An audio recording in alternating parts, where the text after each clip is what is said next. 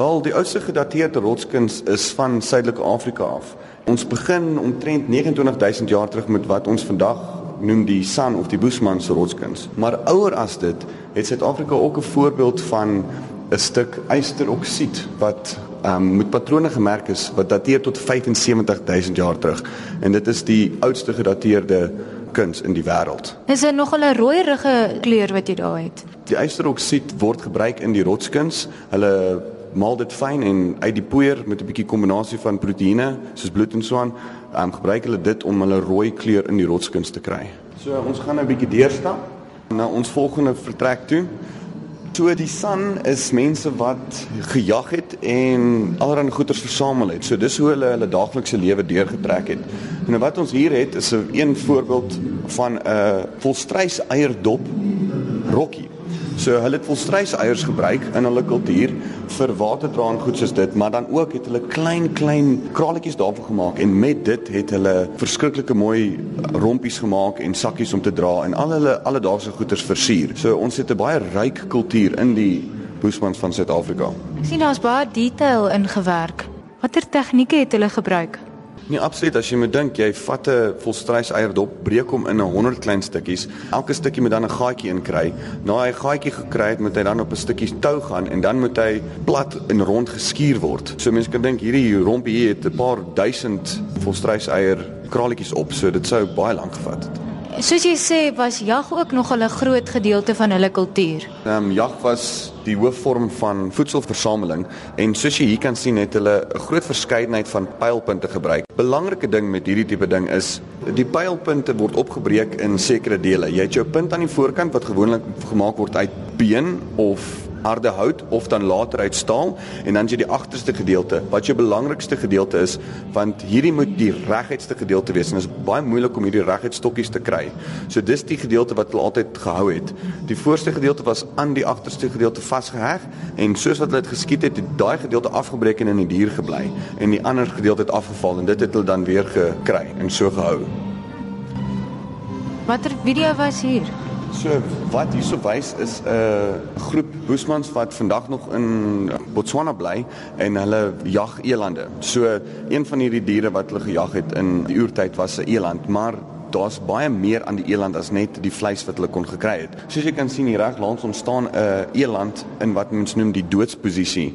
Hy was nou klaar geskiet soos wat jy op die video kan sien. Hy het die gif in en dan vat dit nou vir 'n paar minute na partykeer uur of so vir die dier om stadig dood te gaan. En nou wat hulle doen is hulle gaan lê met hulle kop op die grond en hulle trek hulle voorste bene onder hulle in en die begin skud. So van hierdie ritualistiese posisie af gaan ons nou na wat ons noem die rotskuns van die Boesman. En sentraal aan die roskins is die eland. Dit is vir hulle 'n ongelooflike kragtige spirituele dier. So hulle leefstyl was baie nou verbind met hulle kuns. Absoluut, verseker. So wat ons nou hier vir ons het is nou 'n voorbeeld van hoe die rotskuns sou gemaak gewees het. Watter tegnieke het hulle gebruik as hulle hierdie werke geskilder het? So ons het nou klaar gepraat oor die ysteroksied. Die word fyn gekrap in in 'n poeiervorm in.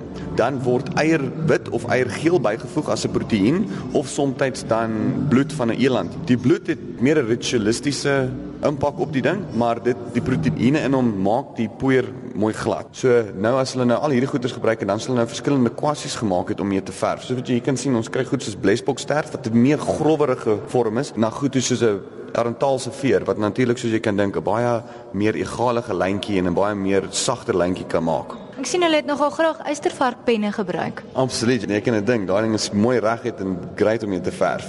Van die ander goed wat mense ook hierso sien is jou um, pigment grinder en die was basies net 'n harde klip bo en 'n sagter klip onder en dit het hulle dan die pigment mee sag en sagter en sagter gemaal. So as ons nou kyk na die rotskin spesifiek hierso, so hierso is uitgebeeld 'n eland in hierdie posisie van dood. So dis nou nadat die san hom gejag het, die boesmans hom gejag het. Nou wag hulle laat hy doodgaan. Nou wat ons aan die onderkant sien daar is ses klein gedrogte. Nou hierdie gedrogte is waar die shamans inkom. Boesmans het geglo in 'n buitenatuurlike wêreld wat beheer word deur diere soos elande dood te maak. Die eland se bloed en so het hulle dan die spirituele krag gegee om deur te reik na die bonatuurlike wêrelde toe of die hemele. Dans was seker die belangrikste gedeelte van die San kultuur. Hoe kom dit in die rotskuns na vore? Gedurende wat mens noem die transdans, het hulle in vorm verander binne hulle siege. So hulle het hulle self begin sien as half bok, half mens, half gedrog met bokpote horings. Soos jy kan sien, daar's allerlei aardige goedjies daar geverf. Dis mense met 'n bokkop, maar dan het hy goed wat lyk soos visse wat aan hom groei. Hulle het hare en vere. En dan een baie interessante ding wat jy nou ook kan sien is jy kan sien 'n 'n lyn uit hulle kop uit. Hmm. Nou die Boesmans het geglo dat uit hulle hoofde konnekteer hulle nou met die hemele. En soos 'n shaman nou in 'n transdans ingaan, konnekteer hulle met die hemel en dan kan hulle daarbo rond swerf en vir byvoorbeeld sangroepe wat verder van hulle af bly op hulle gaan inkyk en kyk of goed nog goed gaan daar en dan terugkeer na waar hulle is. Die feit dat hulle kuns beoefen het, was dit bloot vir tydverdryf of was dit ook om gebeure te dokumenteer? So dit was definitief om gebeure te dokumenteer, maar dit is grootendeels ritualisties. Dis hoe hulle kommunikeer het met die aarde. As mens nou in hulle natuur om het, as mens nou dink aan wanneer dit begin reën. Die son het geglo in 'n reënmonster wat lyk soos 'n vierpotige slang. As mens vandag op die landskap rondloop en jy kyk uit in Suid-Afrika en jy sien hierdie kolomme van reën wat afkom uit die wolke uit, daai kolomme reën word gesien as die dier se pote. En as jy opkyk na die groot wolk, dan is dit die dier se lyf. Mis word gesien as die dier se hare en sulke tipe goeters. So die omgewing was vir hulle so belangrik dat hulle dit op die rotskuns moes vasgevang het en dan het hulle deel en deel daarin geword deur die transdans. Dit lyk my daar is baie metafore en simboliek in hulle kuns. Absoluut die eland is 'n groot ding, maar daar's baie ander kreature. So kom ons kyk byvoorbeeld nou dat die koloniste in Afrika aangekom het in Suid-Afrika. Die Boesmans het byvoorbeeld begin perde verf met mense wat op 'n dry met gewere, want hulle was bang. Hierdie mense was wit mense, baie geraas gemaak, weet die skiet van die lawaai van die geweer en hulle het hulle begin in hulle rotskuns opvang. Vertel my 'n bietjie van die mite van die wit vrouens. Okay, daai is baie interessante storie. So die die wit vrouens, die rotskuns was ontdek in die vroeë 1900s. 'n Duitser het 'n uh, artikel oor dit geskryf en hy het omdat dit nou in die vroeë 1900s was, was dit nog baie anti enige tegnologiese of kulturele vooruitgang vir swart Suid-Afrikaners. So hy het dit so geskryf as hier kon nie enige kultuur gewees het nie totdat die wit man opgedaag het en hy het toe die wit vrou wat geverf is as bewysstuk bevind omdat wit mense vroeër was en hulle toe vir die swart mense hul kultuur gegee. Die figuur waarvan hy praat is eintlik van 'n man geverf Die ding het 'n penis op en ja, dis 'n tipiese tipiese Boesman ding. So so wie het ons 'n kunswerk wat deur westerse mense misgeïnterpreteer het om 'n ander mening te gee. Is hierdie oorspronklike rotskuns wat jy hier uitstal? Absoluut. Dis seker 'n moeilike proses om die kuns te verwyder van sy oorspronklike gebied. Hoe gaan julle te werk om nie die kuns te beskadig nie? Dit is bietjie van 'n soos die Engels sal sê 'n sweet and sour oomblik, want ons het eintlike rotskuns stukke wat met kolleksie in die vroeë 1900s en vroeë 1950s begin het en wat die mense toe gedoen het is hulle het uitgegaan na rotskunsplekke toe en hulle het dit afgebreek of uitgeblaas. Vandag doen ons nie meer sulke tipe goeders nie. Tensy 'n myn gaan en 'n koppie totaal en al vernietig met rotskuns op, sal ons gaan en van dit probeer verwyder, maar wat ons vandag doen is ons dokumenteer um, met goeie kwaliteit fotowerk en met aftrek en dan so dokumenteer ons alles wat daar is en dan los ons dit waar dit is. Maar tog kan dit seker ook verniel so in sy natuurlike omgewing met vandalisme. Vandalisme is 'n groot probleem as dit kom by rotskuns reg oor die wêreld. Dit is een van die ongelukkige goed wat ons as argeoloë wat ons teekom. Maar die ding is, sodra ietsie uit die natuur uitkom, van hierdie rotskuns wat jy sien is 5 8000 jaar oud. Dit is nog perfek. Ons bring dit in 'n moderne omgewing in, hier's ligte, koeler lig en sulke tipe goed, so van die pigment kan vergaan. In terme van die vandalisme, dit is mens moet net meer hierdie sites protect. Jy het iets genoem van die feit dat hulle ook 'n narratief vertel het, 'n storie vertel het met hulle kuns.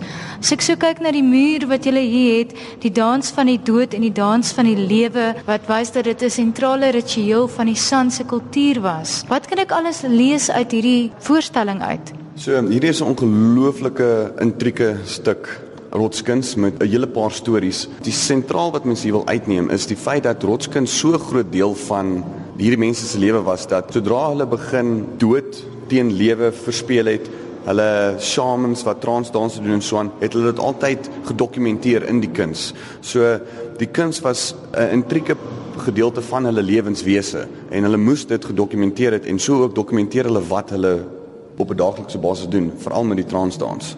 Is daar 'n begin of eindpunt van hierdie voorstelling? Ongelukkig nie, hierdie is 'n kombinasie van 'n paar goeters wat oor mekaar geplaas is en wat ons hierso sien is verskillende tydperke se rotskuns wat op dieselfde plek gekom het.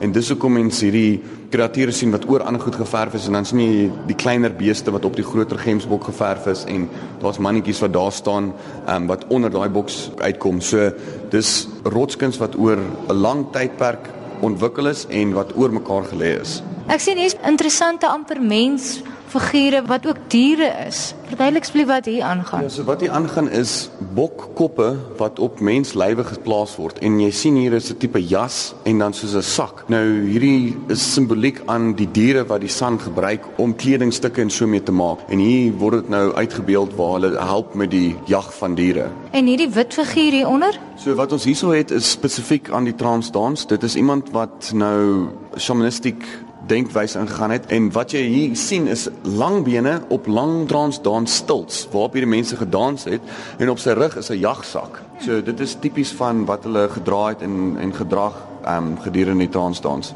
Dis wat ons selfs vandag sien in Botswana by die moderne boesman wat nog oorleef. Hoekom dink jy is rotskuns belangrik? Dit is sentraal in Suid-Afrikaanse geskiedenis. Ek dink dit is ongelooflik belangrik vir Suid-Afrikaners spesifiek om te verstaan dat die tradisie 29000 jaar oud is en dat daar baie veranderinge was, maar dat dit ook elke stuk rotskuns is 'n oomblik in tyd en wys ons van mense wat in daai oomblik geleef het en wat met hulle gebeur het. Het rotskuns 'n invloed gehad op hoe Suid-Afrika se kuns ontwikkel het? Ek dink definitief so, maar dit hang af as mens kyk na die verskil tussen koloniste, hoe hulle na kuns gekyk het en dan jou meer tradisionele kunstenaars. So die Afrika kunstenaars gebruik baie van hierdie tipe goeters waar die die westerse kuns vir baie jare daarvan af weggekom het, maar deesdae doen hulle. En 'n interessante ding as jy gaan kyk op jou paspoort, ons land se embleem het Boesman kuns op en op al ons note. So tot vandag toe beïnvloed rotskuns ons kuns. Absoluut.